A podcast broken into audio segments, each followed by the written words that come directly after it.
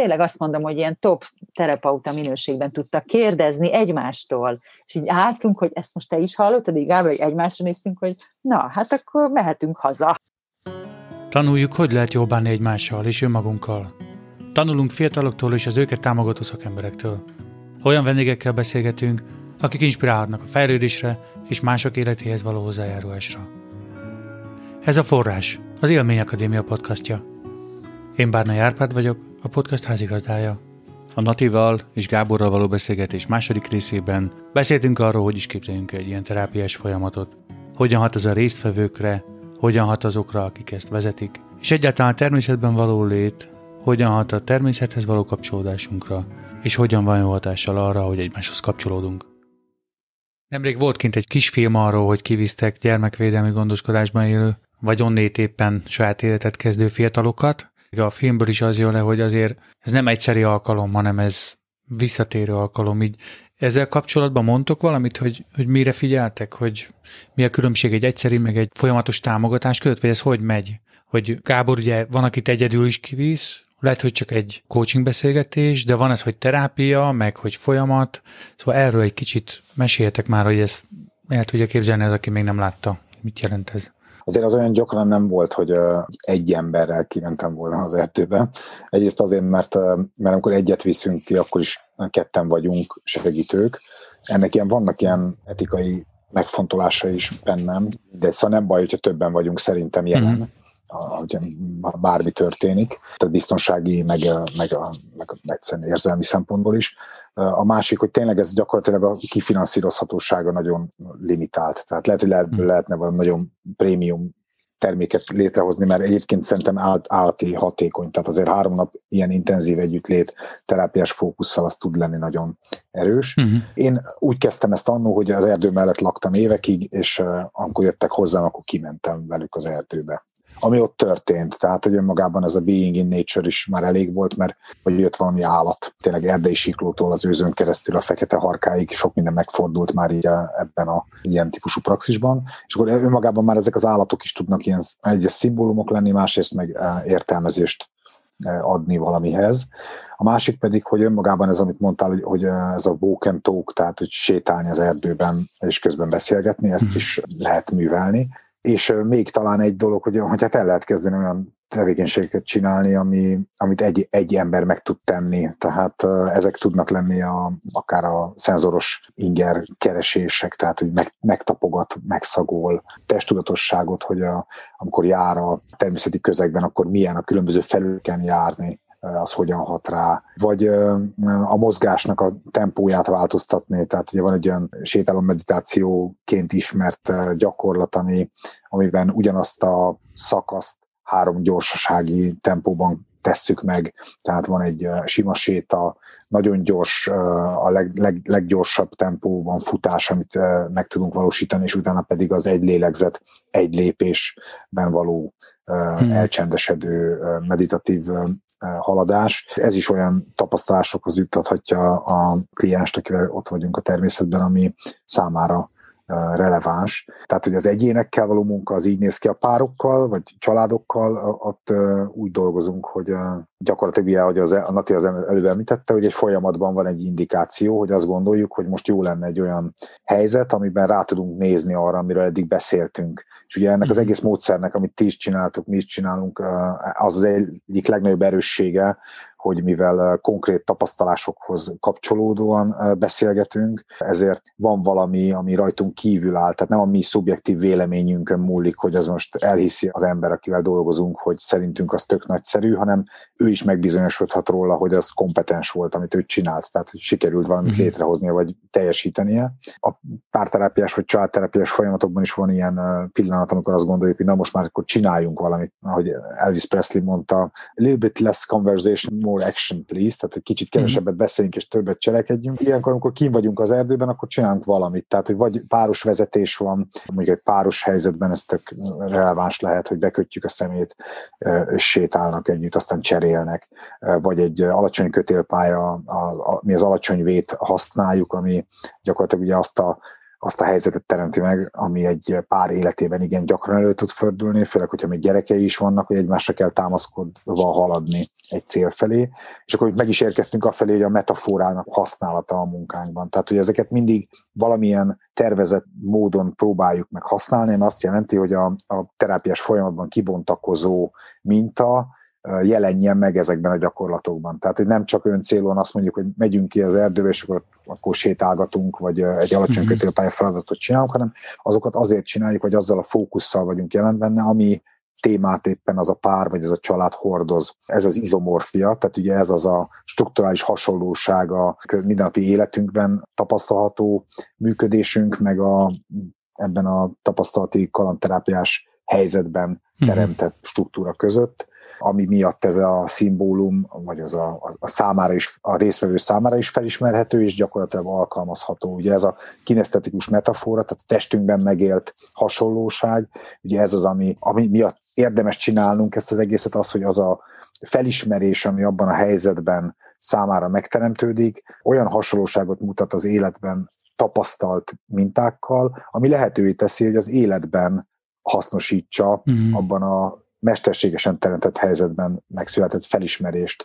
Tehát ez a, ez a transfer, ugye, ez, ez az, ami lehetővé teszi azt, hogy változzon aztán ennek hatására. Ha visszakanyarodunk, az eredeti kérdésnek volt egy olyan fontos része, hogy hogy, hogy néz ki ez folyamatban. Tehát most a Gábor itt uh-huh. említette, hogy mondjuk egy klasszikus családterekes folyamatban ez egy, egy beékelt ülést jelent, ha pedig mondjuk csoporttal dolgozunk, akkor az lenne az ideális, hogyha ugyanígy gondolkozhatnánk hosszú távon, tehát egy olyan hosszú időben, amely egy, egy komplet terápiás folyamatot felülene, például egy év, vagy fél év, vagy mondjuk ülések, nem tudom, 10-15, és akkor ebből lenne valamelyik, ami outdoor, tehát ilyen kalanterápiás, természetterápiás, és valamennyi egyéni. Most erre körülbelül öt évvel ezelőtt nagyon sok energiával megvalósítottunk egy ilyen mintaprogramot, akkor azt elneveztük Adahinak. Az első ilyen, amit úgy építettünk föl, és elejétől a végéig végig is csináltuk, hogy, hogy mérésekkel, tehát hatásvizsgálattal, pszichológiai eszközökkel is mértük, hogy lássuk, hogy mi történik egy egyéves folyamatban. Az az egyéves folyamat az úgy nézett ki, hogy volt egy gondos, hosszú előkészítés, hogy kik vesznek részt, méréssel, pszichológussal való konzultációval, stb. Ez egy, egy magyarországi gyermekotthonnal való együttműködésben zajlott, és a kiválasztott fiatalokkal mindenkivel volt egyéni beszélgetés, tehát megszülettek ezek a, az egyéni ilyen tervkezdeményezések az ő egyéni kérdéseikre, meg élethelyzetükre vonatkozóan. Utána volt egy nagy kéthetes tábor, amelynek egy része ötnapos ilyen expedíció volt, ami kintalvásos eleje, meg a vége, tehát egy ilyen hosszabb programnak az első pár napja, az utolsó pár napja az mindig a bázison, az úgynevezett bázison mhm. zajlik, mm. ugye ami már korábban említett előkészítéssel, illetve magával a lezárással, valamint a bázis az a hely, ahol tudunk olyan gyakorlatokat is megvalósítani, amelyek eszközigényesek, tehát mondjuk egy mm. felső biztosítással létrehozott nagyon magas fára való fölmászás, az igényel technikai előkészítést, meg fát, meg minden egyébként.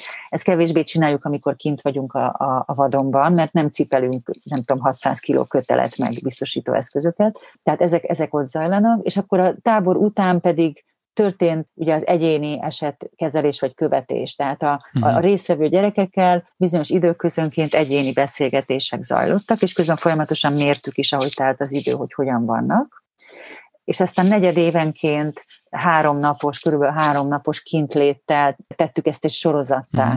És akkor ez egy év végeztével, a negyedik kint létünk, az megint egy kicsit hosszabb ilyen tábor volt. Tehát, akkor, tehát hogy, a, hogy az az egyéves táborban, ami fontos volt, hogy a természetben való munka, az körülbelül negyed évente tudott megvalósulni, amikor mm. néhány napot kint töltöttünk, Nyilván a, a késő őszi, vagy a kora tavaszi, késő téli időszakban nem volt szabadban alvás, zárójel nagy szomorúságunkra, mert egyébként, amit láttunk nyugaton, vagy a tengeren túlon, hogy ez nem szokott akadály lenni az időjárás, nálunk az, mert nincsen olyan minőségű felszerelésünk, amivel meg lehetne valósítani. Tehát, mm. tehát láttunk olyat, hogy télen is kint alszanak, és, és abszolút szabadon dolgoznak hosszú időkön át, megfelelő felszerelésben. Ez sajnos nálunk nem lehetséges. De az, hogy a természetben, tehát közel az erdőben, kulcsos házban legyünk, saját magunkra főzve, fűtve, úgyhogy szinte egész nap kint vagyunk, szerintem az is egy jó természeti élmény tud lenni, a semmihez képest mindenki. És akkor a, a, az egyéves program végén is több éjszakás kintalvásos záróprogrammal zártunk. Na most ebben az egyéves folyamatban már látható és jól mérhető eredményeket lehet elérni egyéni szinten is. Hozzáteszem, hogy nem mindenkivel, tehát nincsen csoda, tehát lehet, hogy mondjuk egy 10-12 fős csoportnak Bal, csak nem tudom, négy-öt-hat fiatal lesz, akivel látszik, hogy tényleg látványosan, tényleg akinek van affinitása kapcsolódni ehhez a közekhez, meg hozzánk, és közben mm. is van benne lelkesedés, hogy dolgozzon a felmerült témákon velük. Lehet, de hát ezt gondolom, hogy tinédzsereknél, kamaszoknál ez, ez elég általános, hogy, tehát nem lehet hatlóval behúzni ebbe a folyamatba fiatalokat. Örülünk, ha, ha vannak sikeres eseteink. Az, hogy azóta hogy áll ez a, ez a műfaj, ez azt gondolom, hogy sajnos nem úgy, ahogy jó lenne, mert ilyen típusú egyéves folyamat, ez önmagában nagyon komoly anyagi forrást igényelne. Mm-hmm. Csak gondoljunk bele, ez hány óra, kint hány óra, egyéni munka, mm-hmm. nincs az a, az a mondjuk állami intézmény, aki ezt meg tudná finanszírozni. Mi ezeknek nagy részét például önkéntes alapon végezzük, Hmm. Tehát, hogy nem számolunk fel munkadíjat, azt mondjuk, hogy egyik zsebünkből a másikba áttesszük, tehát amit a for-profit szférában, vagy a más típusú hmm. terápiákkal, vagy munkával keresünk, azt, azt szívesen áldozzuk, vagy, vagy támogatjuk ezzel a, a kevésbé fizetőképes vagy állami rendszerben élő fiatalokat. Egyébként pedig az is már megjelenik, hogy a leghűségesebb vagy a legfontosabb kapcsolatok, amik mondjuk egy, egy ilyen hosszabb program során kialakulnak, ott a fiatalok elképesztő erővel igénylik azt, hogy kapcsolatban maradjunk, még akkor is, ha mondjuk egy hivatalos úgynevezett egyéves program lezárult. Uh-huh. Tehát ilyen fiatalokat láthattatok a, a 444-es videóban, akikkel évekkel ezelőtt találkoztunk először, és azóta is valamilyen hol ritkább, hol sűrűbb kapcsolatban vagyunk, attól függően, hogy nekik hogy van erre igényük. A többségük ugye már elhagyta a rendszert, vagy utógondozásban él. Akivel úgy alakult a kapcsolat, hogy ezt igényli, és, és nem sodródott el, azokkal a mai napig rendszeres kapcsolatban vagyunk. Most már nem nevezném klasszikus terápiának semmiképp azt a folyamatot, mm-hmm. amiben vagyunk, ezért ez így átmegy egy ilyen mentori egy ilyen támogató kapcsolatban, ami azt jelenti, hogy rendszeresen beszélgetünk, ha lehet személyesen, vagy akár telefonon, és folyamatosan ugye az életük eseményeit kísérve, támogatva vagyunk jelen, és amikor ki tudunk menni mondjuk néhány napra újra együtt, valami honnan szerzünk pénzt, vagy adományt gyűjtünk, vagy bármit, akkor ott meg megint nagyon fókuszáltan tudunk az ő terápiás kérdéseikkel foglalkozni. Nyilván ezek a programok sokkal hatékonyabbak, mint amikor először visszük ki őket. Tulajdonképpen szocializáltak már arra, hogy hogy vagyunk kint, mint vagyunk kint, tehát egész egészen más így dolgozni már visszatérő úgynevezett, nem tudom, kliensekkel, ha lehet így őket hívni, akik ebben már korábban is részt vettek. Ez nagyon hatékony és nagyon izgalmas munka tud lenni. Tehát erre is van példa, hát ebből lenne jó többet csinálni, hogyha, hogyha sikerülne forrást, forrást szerezni rá, ez az álmunk. És sok szempontból izgalmas, ha miről beszélünk, az egyik az az, hogy ugye, hogy hogy hat ez, vagy miből látjuk, hogy hat, és mondtad azt, hogy fú, azért valamit látok a hatásából is, és most még egy másik irány is megjelent, majd meglátjuk, hogy melyikkel megyünk tovább, hogy természetben lenni, természetben csinálni dolgokat, és valahogy érezni azt is, hogy ezzel így mi együtt így vagyunk. Tehát még akár még egy ilyen öko iránya is van. Szóval nagyon sok minden történhet ott, a, amikor kimegyünk az erdőbe mondjuk így röviden, és az a tapasztalatom, hogy van az a fajta természetben lét, amikor még úgy érezzük, hogy ó, a természet az egy ilyen körítés, egy ilyen háttér, díszlet. Aztán amikor így megfúj egy kicsit jobban a szél, és elkezdek fázni, akkor érzem, hogy jó-jó, azért ez nem csak egy díszlet, hanem így hat rám. Szóval így még itt a Margit szigeten is, fú, ha elázok, akkor azért annak tétje van. De azért, azért hamar be tudok menekülni valami fedett helyre, és hogyha arra hívtok valakit, hogy aludjon kint veletek, ne adj Isten sikerülne ősszel, vagy tavasszal, vagy télen kint aludni, ott ennek a, a kihívásnak a magassága, meg az érzett akadály, úgymond, amit, amit leküzdök azzal, hogy kint tudok lenni, az azért az nagy. Tehát ez egy nagyon erősen fiziológiásan belém él, égő élmény, hogy fú, azért ott hallottam farkasokat kint, vagy amikor mínusz van, és tüzet rakok. Az erős élmény. Ez nem olyan, mint hogy hát fent vettem a termosztátot. Szóval ezek nagyon erős élmények, és akár kihívás is tud lenni. Ez a kettő kombinálódik abban, amit csinálunk, meg amit terápiában csináltok, hogy eh, nem akármilyen emlékek ezek, ami testileg, lelkileg az emberrel marad. Emlékszem, amikor olyan ösvényen mentem, hogy gondolkodnom kellett, hogy van-e olyan vadállat, ami bánthat. Úgy más úgy menni egy helyen, nem azt érzem, hogy díszlet. És közben nagyon e- erős, egyszerű metaforákat ad, amit máskor is használok. Ilyenekre gondolok, hogy följutni valahova, fény, sötétség, közösség, út. Annyira gazdag és egyszerű szókincset ad, amit utána át tudok plántálni ebbe a sokkal komplexebb, bonyolultabb absztraktabb világba, ahol egyébként hétköznap vagyok. Mint hogy erről is meséltetek volna itt most így mindketten, hogy, hogy ezt csinálja, zsigeri és egyszerű metaforákkal tudok dolgozni a saját életemmel is. Ezt jól értettem, hogy erre utaltok, vagy... Igen, abszolút, abszolút nagyon jól megfeleltethetők ezek a ezek az élmények, meg metaforák, meg szimbólumok, ahogy mondod. És még annyit tennék hozzá egyébként az eddigiekhez, hogy tehát a kihívásokhoz kapcsolódva, hogy, hogy különösen hatékony, vagy nagyon sikeres műfaj tud lenni azoknál a fiataloknál, ahol ez az ön, önbecsülés, az önbizalom, valamiféle autonómia, kompetencia megélése nagyon alacsony szintű. Tehát ezért nekem szívem csücske, hogy, hogy dolgozzunk állami gondoskodásban élőkkel, nem csak azért, mert nem tudom, 25 évvel ezelőttről onnan indult a pályám a gyerekvédelemből, és láttam, hogy, hogy mennyi, mennyi szükség van ott nap, mint nap, és ez nem sokat változott sajnos 25 év óta, hogy mit tudnak kapni azok a fiatalok, hogy életerős, magabiztos felnőttekké váljanak. Tehát ott ebben a körben ez, ez különösen rossz szinten van jelen az ő élet életükben, és ahogy mondod, hogy olyan egészen egyszerűnek tűnő kis kihívásokat is úgy tudnak megélni, olyan sikerélményként tudnak megélni, amelyekből a mi szemünk láthat, ez saját élményből mondom, hogy látjuk, hogy ezek a fiatalok hónapokkal később, évekkel később akár táplálkoznak. Tehát olyan mélyen ég beléjük az az élmény, hogy meg tudtam csinálni, mert mhm. tényleg megélte, tényleg megcsinálta, és még visszajelzést is kapott, és hosszan beszélünk róla, és, és, és átültetjük mhm. abba, hogy a hétköznap, de nem is kell egyébként igazából túlbeszélni. Ezek önmagukért beszélnek, ezek a mély lenyomatok. Tehát ezek a fizikai szinten való átírásai az ő élményeinek. Én lyukat beszéltek hasába bármikor egy ilyen foteles terápiás szobában, hogy figyelj, hidd el nekem, Józsi, te nagyon jó srác vagy, meg tudod csinálni. Uh-huh, Oké, okay, köszi, jól van. Uh-huh. Fordul az ajtón, és megy tovább, és soha nem hiszi el nekem. De az, hogyha ez megtörténik vele, akármilyen szinten, és nem kell, hogy mondjam, tehát itt az Everestre ehhez fölmászni. Tehát az, hogy ő még egyébként nem ment föl olyan magas csúcsra, vagy nem ment föl egy 20 méteres fára, vagy, vagy nem küzdött mondjuk egy nehéz fizikai feladatot végig, és akkor itt jön be a fizikai sík. Tehát a fiataloknál ez nagyon-nagyon jól működik, hogy fizikai síkon megélik ezt a sikert, és azt be tudják építeni sokkal jobban, mint, mint gondolnánk. Tehát egészen megdöbbentő ezt viszont látni és hallani tőlük, saját szavaikkal reflektálni hosszú idő után, hogy fú, most már tudom, hogy meg tudom csinálni, csak akarni kell.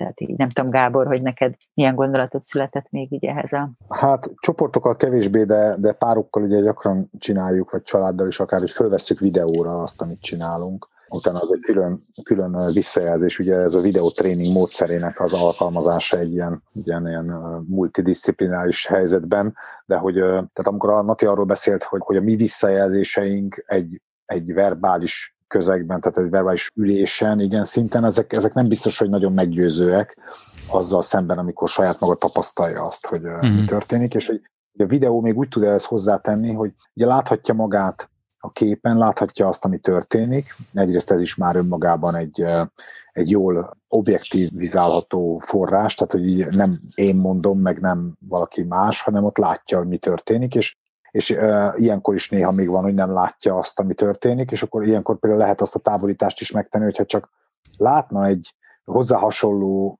embert azon a képen, akkor mit gondol, hogy hogy érzi magát, hogy mi történik uh, vele, vagy, uh, vagy az, amit azt csinál az az ember, az, az milyen dolog, uh-huh, arra mit uh-huh. mondana. És akkor így, így gyakorlatilag ezzel a távolítással is meg lehet, el lehet érni azt, hogy, hogy kapcsolódjon végre azzal a akár kompetenciával, amit ő ott bemutat, és jól kézzelfoghatóan láthatóvá válik. Ugye ez, ez az egyik legnagyobb probléma, hogy a mi létezésünkben, hogy kifelé bámuló lények vagyunk, tehát a saját magunkról való tudásunk az korlátozott, csak visszajelzések útján elérhető, viszont másokat meg jó alaposan meg tudunk figyelni, és ezért ebből is fakadhat az a szétszakadása annak, hogy a mások mindig jobbak, meg mások mindig uh-huh. sokkal sikeresebbek, meg nekik jobban mennek dolgok, nekünk meg semmi nem megy, mert nem tudjuk magunkat ugyanazzal a mércével látni, és ugye a videó az meg tudja ezt teremteni, uh-huh. de ez meg kell előtte az a tapasztalás, ami, amit létrehozunk ezzel a módszerrel, ami szintén ugye tőlünk függetlenedik ezáltal, és az uh-huh. övévé válik, mert hiszen ő csinálja nem mi csináljuk helyette. Még egy aspektus ugye, hogy ebben az egész módszerben, ezt ti is tapasztaljátok biztos, hogy azáltal, hogyha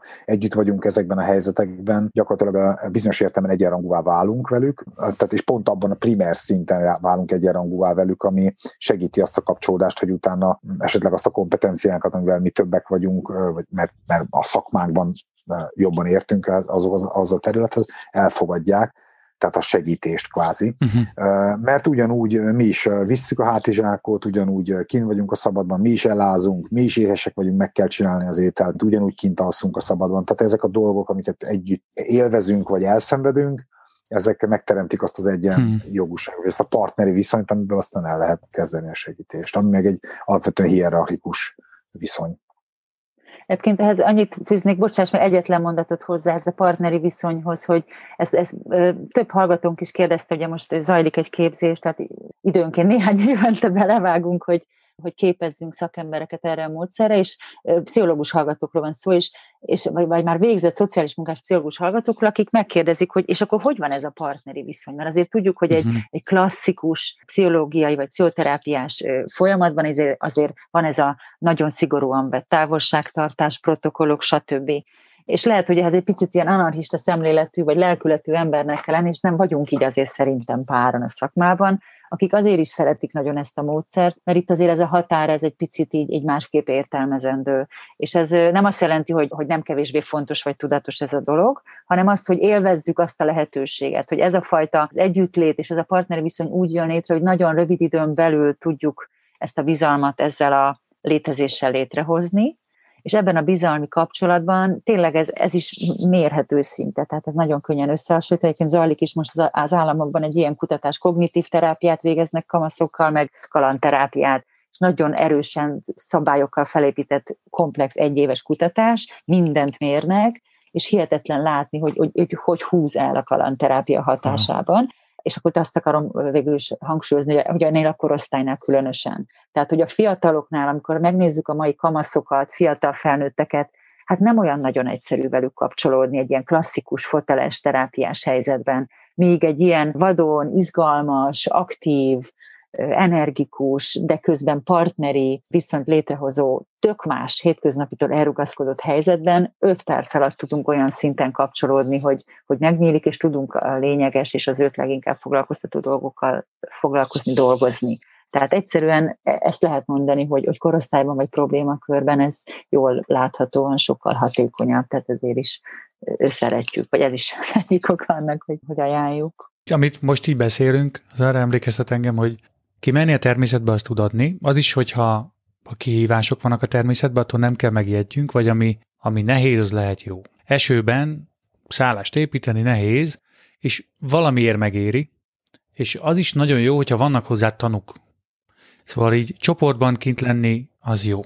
És aztán van az a fajta helyzet, amikor egy különlegesen képzett tanú, az még nagyon sokat is hozzátehet egy csoporthoz. Mondjuk egy pedagógus vagy terapeuta, attól függ, hogy mi a célja a dolognak, és a visszajelzés az, az egy erős dolog ebben a természeti folyamatban. A természet visszajelez gyorsan, ez a tűz még nincs kész, ezt még rakni kell, vagy elaludt a tűz, azzal nehéz vitatkozni. Vagy hogy hát esik, ez még mindig esik. Tehát akarom, hogy ne essen, de esik. És, és aztán a társak visszajelzése is nagyon izgalmas dolog, meg Igen. a csoportvezetőjé is, mondjuk így, és az egészben egy nagyon erős katalizátor az, hogy együtt vagyunk ebbe a csónakba. Nincs egy olyan fajta feltételezett semlegesség, jellegű távolság, amit könnyen tudok feltételezni mondjuk egy karosszékben ülve. Itt az van, hogy mind a ketten éhesek vagyunk, vagy fázunk, és ez egy olyan fajta sebezhetőség, amiben egyek vagyunk. Annak ellenére, hogy mondjuk a segítő-segített kapcsolat az még fönnmaradhat. Ezt szerintem hajlamosak vagyunk elfejteni, hogy, hogy lehetek szakmai, meg meg tarthatok professzionális távolságot, úgymond az ügyfél ügyétől, vagy segíthetem, hogy ő haladjon, annak ellenére, hogy én sebezhetően jelen vagyok, katalizátor. Ezt tökéletesen mondod, Árpi, mert, mert most ezen gondolkodtam, hogy, hogy ugye én régebb óta dolgozom egyéni kliensekkel a szobában, mint a, a, így a természetben, és hogy, hogy egyér, egyértelműen kihatott erre a, a munkára is az, a, az hogy amit most mondasz, abban az, abban az aspektusában, tehát hogy, hogy sokkal át tetszőbben vagyok jelen uh-huh. a, a szobában is, tehát hogy átláthatóbb, meg, meg sebezhetőbben akár. Még, még úgy is, hogy nyilván tudatosan figyelni kell azért arra, hogy ne rólam szóljon ez az egész, ami uh-huh. történik, de hogy önmagában a kapcsolódás sokkal könnyebb megteremteni azáltal, hogy ez a önmaga megmutatása az könnyebbé vált azáltal, hogy a természetben való munkában sokszor ez nem is az én döntésem, hogy megmutatom el magamat, uh-huh. hiszen megmutattatódom azáltal, ami történik. Még annyit tennék hozzá ehhez, hogy visszakapcsolod egy pillanatra ahhoz a gondolathoz, amit az előbb mondtál a csoport erejéről és, a, és az egymásra adott visszajelzés fontosságáról, hogy, hogy azt is nagyon jól látnunk, és ezt most így a közös nevünkben mondom, mert ezt erről sokat beszélgetünk, hogy amikor csoportban jelen vagyunk, és ha elég időt vagyunk jelen, tehát nem egy napot, két napot, hanem akár sok napot, akkor az is rendkívül megnyugtató, hogy a, hogy a mi viselkedésünk és a jelenlétünk az milyen hihetetlen ragadós módon megy tovább. Tehát, hogy hmm. eleinte ugye van egy pici távolságtartás, és az így is van, tehát ez meg is maradt, hogy a program teljes idejében azért van egy komoly tisztelet, de mindenképpen egy pozitív kapcsolat közöttünk, és azt látni, hogy, hogy ahogy haladunk előre az időbe, és haladunk előre a különböző gyakorlatokkal, hogy hogy veszik át a résztvevő fiatalok azokat a fordulatokat, kérdéseket, mm, az mm. attitűdöt tőlünk, mert könnyű átvenni, mert amit beszélünk, hogy ugyanabba vagyunk. Tehát látja, én is úgy csinálom, ő is úgy csinálja, ő is amúgy csinálja, csak én hozzá így mondom. Tehát csinálni ugyanazt csináljuk, csak én így fogalmazok, vagy, vagy így vagyok jelen. Tehát, hogy ugyanabban a, a szarban, esőben leégett a kaja, elveszette, nem tudom. És én erre hogy reagálok, ezt én hogy reagálom le, erről hogy beszélünk. Ugyanarra a megérésre rátanulnak egy olyan verbális megjelenítést, amit ha elég sokáig vagyunk együtt, még akár gyakorolni is elkezdhetik. Tehát pont az utolsó egyik ilyen, most az utolsó nyári programunk egyikén volt erre nagyon jó élményünk, hogy, hogy egyéni munkában voltak a fiatalok, tehát egy ilyen, ilyen szimbólum munkában, tehát a saját élethelyzetükre kellett hosszú időt egyedül eltölteni, gondolkodással és valamilyen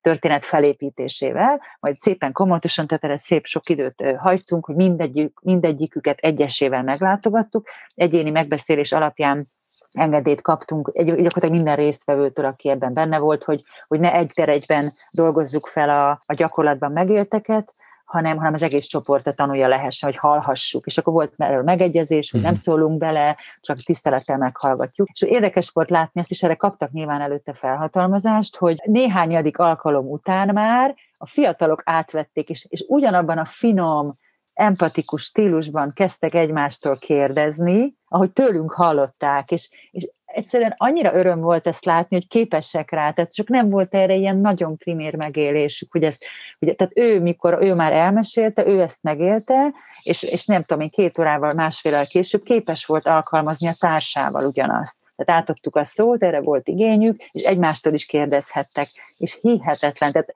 tehát ilyen, ilyen, tényleg azt mondom, hogy ilyen top terapeuta minőségben tudtak kérdezni egymástól. És így álltunk, hogy ezt most te is hallottad, így Gábor, hogy egymásra néztünk, hogy na, hát akkor mehetünk haza. Tehát körülbelül ezzel az attitűddel, hogy, szó, hogy, hogy, ez is egy ilyen hosszabb távú együttlétnek lehet egy nagyon fontos uh-huh. gyümölcse, hogy, hogy ezek a fiatalok így csoportban rászocializálódnak, hogy hogyan hallgatjuk meg egymást, hogyan kérdezünk, uh-huh. hogyan kapcsolódunk a legmélyebb meg, megosztásainkhoz, azért ez nem, nem akármi. Ez abban a koncepcióban tud megvalósulni igazán, ami, amit próbálunk csinálni, ugye ez a nem a mennyiség, hanem a, a minőség, ami azt jelenti, hogy ezt nem tudom, hogy mondta, de már Nati, de ugye volt egy pillanat, amikor felismertük, és ugye Nati tanulmányaiban talált is erre vonatkozó szakirodalmat, meg kutatásokat, ami alattámasztotta azt, hogy a, a rövid távú kapcsolódás nagyon sebezhető célcsoportokhoz, tehát ez a kalanterápiás uh-huh. beavatkozás, ez még akár ronthatja is a, tehát a vége, végére a, a kimenetét, vagy a, vagy a boldogság érzetét, vagy a hatékonyság érzetét a, a, a gyereknek, uh-huh. a mhm. fiatalnak mert ugye hát érthető, hogyha kiragadjuk egy környezetből, beletesszük egy olyanba, amivel mindent megkap, amit a, a, a környezetében nem, majd visszatesszük ugyanoda, akkor alapvetően egy, egy relatív veszteséget él meg, nem pedig egy gyarapodás. Uh-huh. Tehát ez, ez lehet ugye ez a kifejezés. Nagy kérdés. Uh-huh. És hogy ezért mi a hosszú távú együttműködések mellé tettük le a, a garast, csak, csak hát ezek nem olyan egyszerűek, mert uh-huh. ugye ez azt jelenti, hogy nagyon kevés gyerekhez jutunk el, még akkor is, hogyha hosszú távon lehet, hogy jobb, jobb eredményeket érünk el. De hogy ez azért mondtam el most ezt, mert hogy ezekben a hosszabb távon együttműködő gyerekekben, akikkel a videót is lehet látni a 444-es videókban, bennük így óhatatlanul egyszer csak volt, mindegyiknél szinte volt egy ilyen pillanat, amikor fölvetődött annak a lehetősége, hogy ők is segítővé váljanak. Hm. Itt most, amit, amit mondtok, az nekem azt mondja, hogy az, hogy kimenjünk az erdőbe, és van ez a közvetlen fókusz, meg nagyon erős közvetlen élmények, az gyakorlatilag úgy működik, mint egy labor, mint egy ilyen nagyon erős közös élmény. És ez nem csak arra vonatkozik, hogy mit kezdünk a természettel, meg hogy boldogulunk, hanem nagyon erős emlékek őrződnek meg arról, hogy hogy vagyunk együtt ebben, és hogy ennek is a gyakorlása, nem annak is, amit mondunk, meg annak is, hogy ó, mondjuk a bizonytalanságban, de jó volt, hogy így tudtunk együtt lenni. Vagy az volt a jó része, ahogy egy közös frusztráló helyzetet megoldottunk, hogy vagy így tudtam megélni mondjuk az egyszerű örömeit az életnek. Tehát egyfajta ilyen erős emlékeztető labor, másrészt meg eh, ettől a kölcsönösen vállalt sebezhetőségtől jobban látszunk. És eh, aki jobban látszik, akkor is, ha szakmailag egyébként vigyáz a kapcsolatra, ahhoz könnyebb kapcsolódni. Meg a csoportnak is könnyebb egymáshoz kapcsolódni, és most így, így ez a mondat így erőteljesen velem, ahogy kapcsolatokban sérünk, kapcsolatokban gyógyulunk. Na hát ezért érdemes kimenni akkor a természetben, mert ott jobban lehet kapcsolódni, könnyebben kapcsolódni ahhoz, aki látszik, és nem egy mondjuk egy kanapén ül csak. Igen, amit mondasz, gyakorlatilag e, e, e, így hát a kapcsolatokra is vonatkozik az a beszűkült fókusz, ami ott létrejön. Tehát, hogy jobban észrevesszük a hm. másikat, magunkat is, és akkor valóban egy jobb minőségű kapcsolódást tud létrejönni. Egyébként én ezt nagy, ö, nagy ö, hiánynak, ezt is nagy hiánynak élem meg az állami gondoskodás rendszerében felnőtt gyerekek között, hogy, hogy igazán kevés olyan barátságot látni, még úgy is, hogy együtt nőttek fel, de mondjuk hozzáteszem zárójelbe, hogy nagyon kevesen élnek hosszú-hosszú időn át hmm. együtt, összekötve, mert ide megy, oda megy, ide helyezik, oda helyezik, szóval őrület, hogy, hogy hány helyen kell élnie, és nem, nem teszi lehetővé a rendszer legtöbbször, hogy, hogy tartós mély kapcsolatokat hozzon. Hmm. Most nem beszélek a, a nevelő családi hálózatról, ahol azért ez már azért nyilván egy, egy fokkal jobban meg tud hmm. valósulni. Tehát most az otthonra gondolok, az otthonokra ezek a programok, hogyha ez ismétlődik, és tényleg visszatérő tud lenni, és egy hosszú távú kapcsolatot tud föntartani általunk csoportszinten, akkor itt tud az megvalósulni, és pont most így a, a mi fiataljéknál látunk, amit előtte sose láttam, hogy ők elkezdik egymást ugye a programon kívül is keresni, tehát tök másik városban élnek, más, más, tök más életben vannak, tök más kérdésekben vannak, és mégis van bennük egy olyan mély vágy arra, hogy kapcsolódjanak, és valószínűsítem, és ezt boldogan gondolom, hogy, hogy nem csak olyan szinteken kapcsolódnak, tehát nem csak olyan szinten tudnak kapcsolódni, hogy ah, hello, haver, izé, mm-hmm. gyere, mm-hmm. menjünk, ígyunk egy sört, vagy nem tudom, izé, jó csajod van-e, vagy van-e a csajod, hanem, hanem mivel megéltek együtt olyan fontos, mély terápiás kérdéseknek a, nem tudom én, a felszínre kerülését, megoldását, sírást, nevetést, mindent, tehát egészen más típusú kapcsolatra uh-huh. lehetnek képesek. Nyilván ezt kell segíteni, mert azért ez nem megy olyan egyszerűen is magától, de ez is nekem egy nagyon jó érzés, hogy ezek a fiatalok adjaik, hogy hosszú távon is tudjanak uh-huh. egymásra számítani, és, és mondom, egy pici támogatással az ő egy teljesen magánéleti kapcsolatukat is lehet ezzel picit így, így segíteni. Tehát nekem hmm. van egy ilyen hátsó vágyam is, hogy, hogy ilyenből többet lássak, hogy ők tudnak egymásnak támaszt nyújtani, meg, meg ilyen hosszú távú kapcsolat maradni. És aztán egy, volt olyan gyerekünk pont itt, aki fölhívott, nem tudom, két éve nyáron, vagy másfél éve, hogy de csak ugye semmiből nyár közepén, hogy, hogy akkor hogy is van, hogy akkor hogy akkor el akar menni a barátjával túrázni, vagy el akarja vinni barátját, aki még sose volt túrázni, és akkor hogy is van, meg akkor tudunk el, nem tudom, zsákot adni, meg hogy akkor tett fel egy-két technikai kérdés, de tényleg csak technikait, mert ő azért elég kompetens volt, többször volt már kint velünk, és akkor valami hülye, ó, hülye havarom eljön velem már, és akkor ez tök jó lesz, és kint fogunk aludni. Mondtam, hogy szuper, hát ilyet még többet. Hát gratulálok ehhez. Hát ebből jó lenne sok. Így oda, oda lyukadok ki most így, az, hogy egymással más minőségben kapcsolódni, természethez más minőségben kapcsolódni, azt lehetne használni mondjuk gyermekvédelemben. Lehetne használni oktatásban máshogy. Említettétek azt, hogy a más minőségű kapcsolat megélése az párterápiában, családterápiában is lehet hasznos, meg egyébként pedagógiailag is. Ne adj Isten, ugye arról beszélünk, hogy kapcsolatok jobb minőségének megérése, más minőségű együttlét, az akár a legjobb értelembe vett csapatépülés is lehet. Tehát emberi közösségeknek a tagjai, hogyha ilyen minőségbe kapcsolódnak, remélhetőleg máshogy lesznek. És ha így most így a emberek természetben megvalósuló változás, természetben lét, akkor mi az, amit így eh, azért így szívesen látnátok ezzel kapcsolatban? Lehet, hogy nem a tökéletes valami, de hogyha egyre jobban csináljuk a dolgunkat, az nektek, nektek mi lenne? Amikor az Atteleki Nemzeti Parkban voltunk, ugye ott azért lehettünk, mert hogy az ottani környezeti nevelőkkel kerültünk kapcsolatba, akiket képeztünk élménypedagógia témában, és, és az egyik őjüktől kaptam egy könyvet, egy, az 1900, hát amikor 70-es években íródott könyv, az a címe Amerikából, hogy Ekotópia, és egy olyan, olyan fantáziát követ le, hogy talán azt hiszem Kalifornia és Nevada, meg talán még ott más környező államoknak kisebb részei kiválnak az USA-ból, és egy gyakorlatilag egy ökotóp, tehát egy, egy ökológiai társadalmat hoznak létre, amiben nagyon másképp rendeződik, az, tehát nagyon más érték mentén épül fel a társadalom, és ennek az egyik, az, a legfőbb érték az az, hogy a, a természettel való harmóniában, fenntartható harmóniában való létezés. Ezen belül nem vetik el az emberi kultúrának az értékeit, tehát ugyanúgy megjelenik a, a, a, a színház, a, a zene, és ipar is van, de az egy nagyon fontos szempont, hogy ez a, az ipar ez úgy legyen fenntartható, hogy kizárólag olyan dolgok és olyan technológiák kapjanak teret, ami fenntartható, és, és nem, nem okoz szennyezést fölöslegesen, vagy olyan szennyezést, amivel nem tudnak mit kezdeni, és egy ilyen optimalizáló világ, ebben az értelemben. Tehát, hogy én nagyon szívesen látnék egy ilyen irányba elmozdulást, nem hiszek benne, hogy ez létrejöhet, mm. mert pont ez a lényeg, hogy kis helyeken létre tudjon, jól lehatárolt helyeken, tehát hogy ezért van az, hogy Új-Zéland szerintem tud lenni egy ilyen igazi mintalabor, mert hogy 3000 kilométerre van a legközelebbi más ilyen nyugati kultúrát követő országtól, Ausztráliától. Ez Magyarországon talán kevésbé tud létrejönni, de hogy önmagában annak a fontosságát nagyon a, a tudatosságának a növelését szívesen látnám, hogy a, a természettel való kapcsolódás, tehát hogy mi részei vagyunk a természetnek, nem abban a formában, hogy önmagában az, az nem egy erény, hogy lélegzünk és létezünk ebben a környezetben, amit létrehoztunk, hanem úgy vagyunk részesei, hogy, hogy a sejt szinten kötődünk más élőlényekhez, akár csak a mikroorganizmusokkal, amikkel együtt élünk, és amik fenntartják a, a, mind a fizikai, mind a lelki működésünk egyensúlyát, tehát hogy ilyen szimbiózisban élünk élőlényekkel ezen a bolygón, eh, hogy ha ezt ki tudjuk terjeszteni, és, eh, és ennek felelősségével cselekszünk, akkor az, az tök jó irány lehet. Tehát én már feladtam azt, hogy itt eh, nagy összefüggő erdőségek lesznek, tehát valószínű, sokkal valószínűbb, hogy a városi vadon lesz a, az emberiség jövője, olyasmi, mint amit most a Benelux államokban tapasztalhatunk, tehát hogy uh-huh.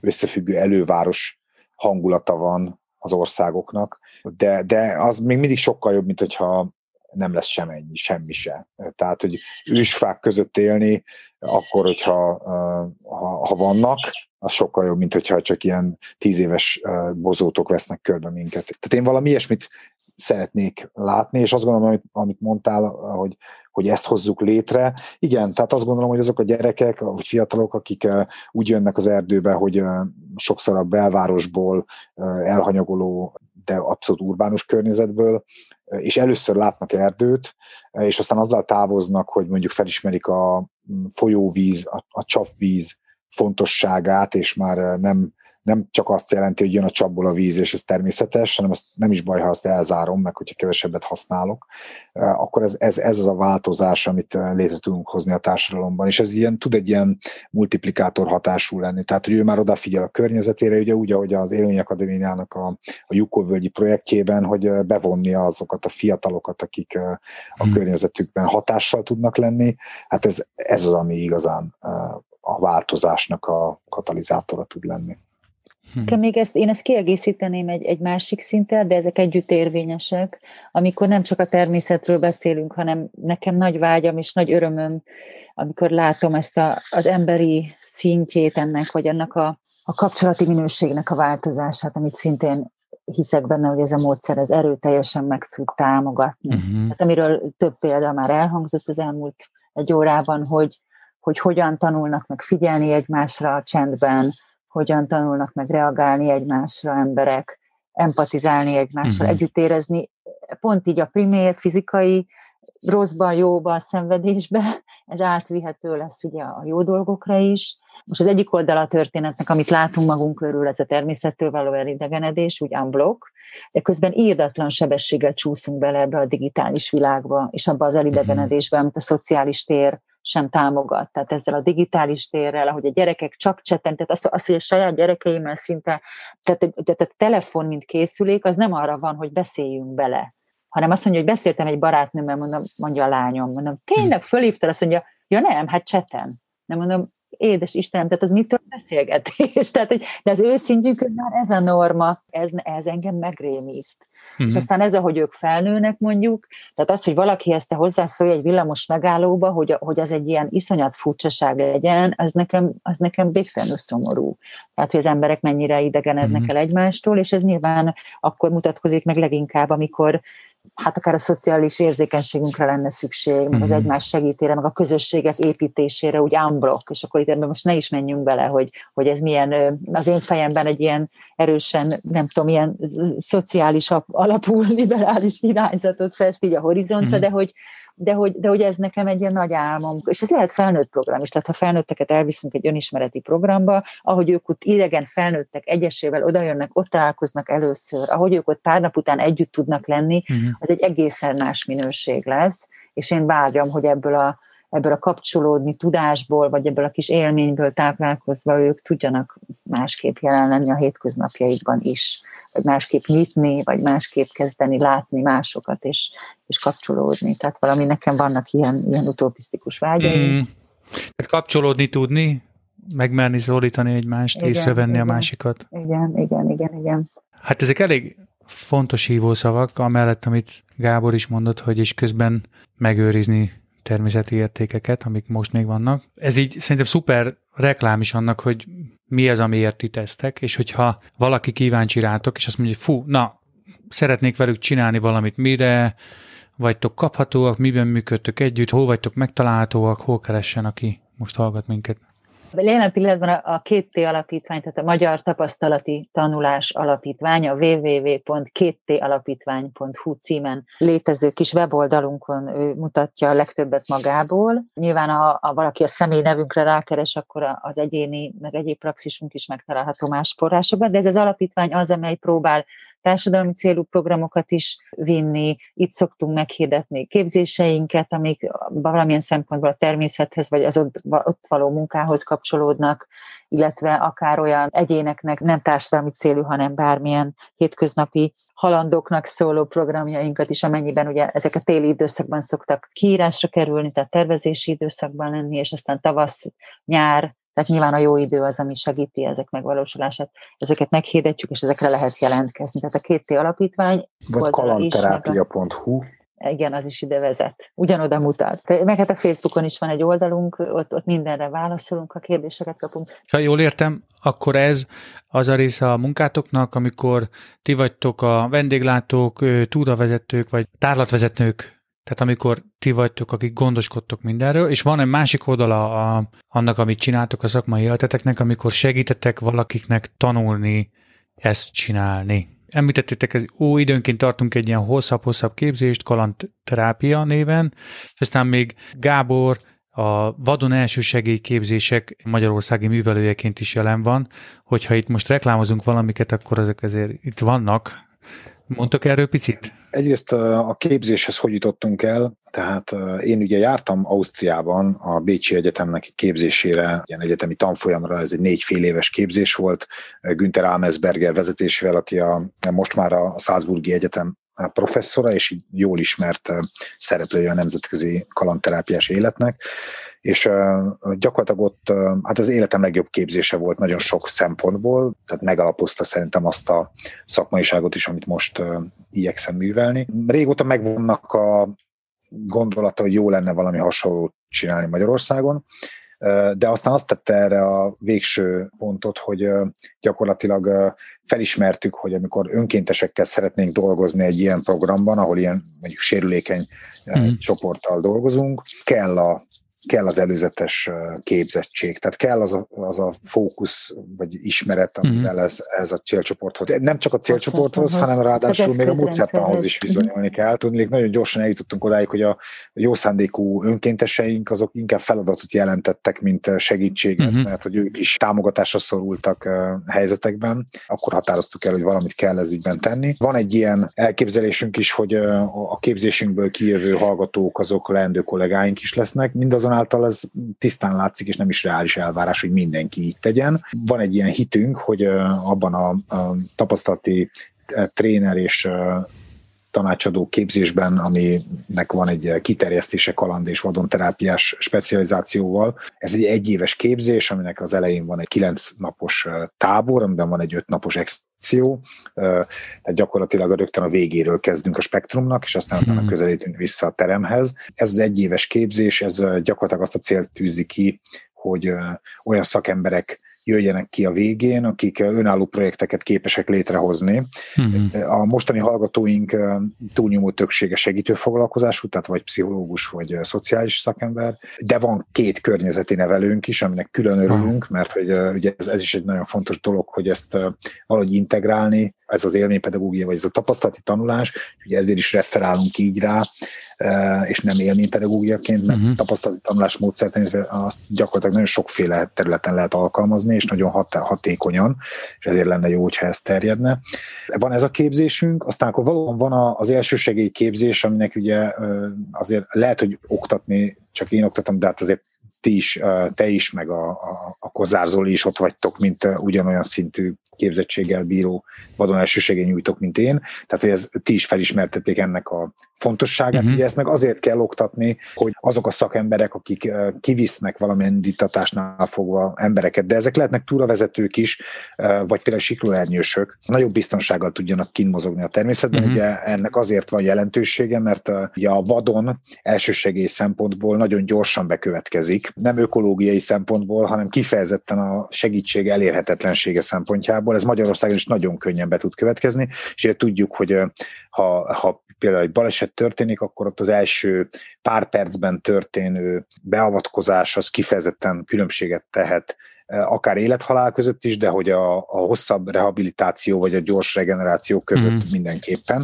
Tehát ezért, ezért oktatunk ilyesmit. És még talán egy dologra fejlődne a figyelmet, ezt most a Natival ez az új reménysugarunk, és ez csak azért érdemes szóba hozni, nem magunk miatt, hanem megint amiatt, hogy a, az impact faktort növeli meg nagyon mhm. erősen a szakmánkban. Tehát két dolog. Egyrészt ugye, hogy valóban van ez az által is említett már Magyar Élménypedagógiai és Terápiás Egyesület, amit más, gyakorlatilag más szervezetek képviselőivel hoztunk létre, ami azt azt célozza meg, hogy ez a szakmai közösség neked ernyős szervezeteként hozzájáruljon ahhoz, hogy a, a, ez a közösség tudatosabb és burjánzóbb legyen, tehát hogy minél uh-huh. többen ismerjék föl, hogy ehhez a közösséghez tartoznak, és tudjanak kapcsolódási pontokat találni.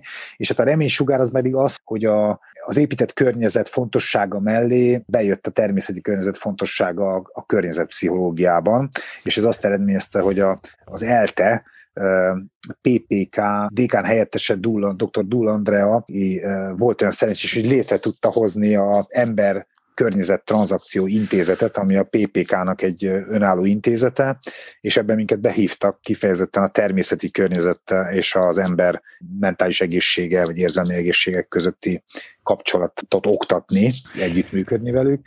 És ugye ez azért nagyon izgalmas, mert hogy, hogy igazából ez afelé mutat, hogy azért egy egyetemmel egy olyan impact faktort lehet elérni, amit talán ezt a fajta tudatosságot, mm-hmm. akkor azt kérdezted, hogy milyen jövőt képzelünk el, valóban karnyújtásnyira hozza, főleg akkor, hogyha még a nemzeti parkokat is be tudjuk ebbe vonni, meg a, nem, a természeti mm-hmm. őrszolgálatot. Tehát ugye ezt is fontos elmondani, hogy amikor olyan helyre megyünk, ahova egyébként nem szabadna ezt a természeti őrszolgálat együttműködésével tesszük, mm-hmm. és ez azért lehetséges, mert hogy mi tényleg nagyon igyekszünk nem nyomot hagyni. Ha ezt így egymás mellé rakjuk, tehát az egyetemet, a, a mi általatok és általunk is művelt módszert, ami megjelenik az Egyesületben, és a nemzeti parkokat, akkor ez gyakorlatilag tud egy olyan kritikus tömeget létrehozni, ami talán a köztudatba is beemeli ezt a módszert, és a, az általunk képviselt értékek fontosságát. Mm-hmm. Hú, nagyon köszi, ezeket fölemlítetted, meg nagyon-nagyon-nagyon köszi, hogy beszélgettünk, mert Köszönjük szépen. Közelhoztatok olyan témát, amit nehéz elmondani hogy ez miért, miért mennek ki, hogy fázzanak? Igen. Hát de miért? Egyébként szokták mondani a részvevőink egy adott pillanatban, mondjuk a harmadik nap közepén, hogy mi a francot keresek én itt? Ez egy klasszikus mondat, amit, amit egyébként a számítógép előtt is föl szoktam néha tenni magamnak. Igen, mi a igen. francot keresek itt? Mi a fenét keresek itt? Ez egy klasszik kérdés, szóval nagyon-nagyon köszi, és remélem, hogy még majd beszélgetünk. Köszönjük, azt kívánom, hogy boldog folytatást ehhez, amit csináltok, meg hogy minél több valósuljon meg abból, amit szeretnétek, mert nagyon vonzó jövő. Köszönjük szépen. Igen, igen. Köszönjük, hogy meghallgattad ezt az epizódját a podcastnak. Ha hasznosnak, inspirálónak találod a munkánkat, kövess minket a leírásban található linkeken. Ha támogatni szeretnéd a munkánkat, segíthetsz a visszajelzéseddel, azzal, ha ajánlasz minket másoknak, és adományjal is segítheted a működésünket. Civil szervezetként bármilyen támogatásért hálásak vagyunk. Vigyázz magadra, jó utat, várunk vissza legközelebb.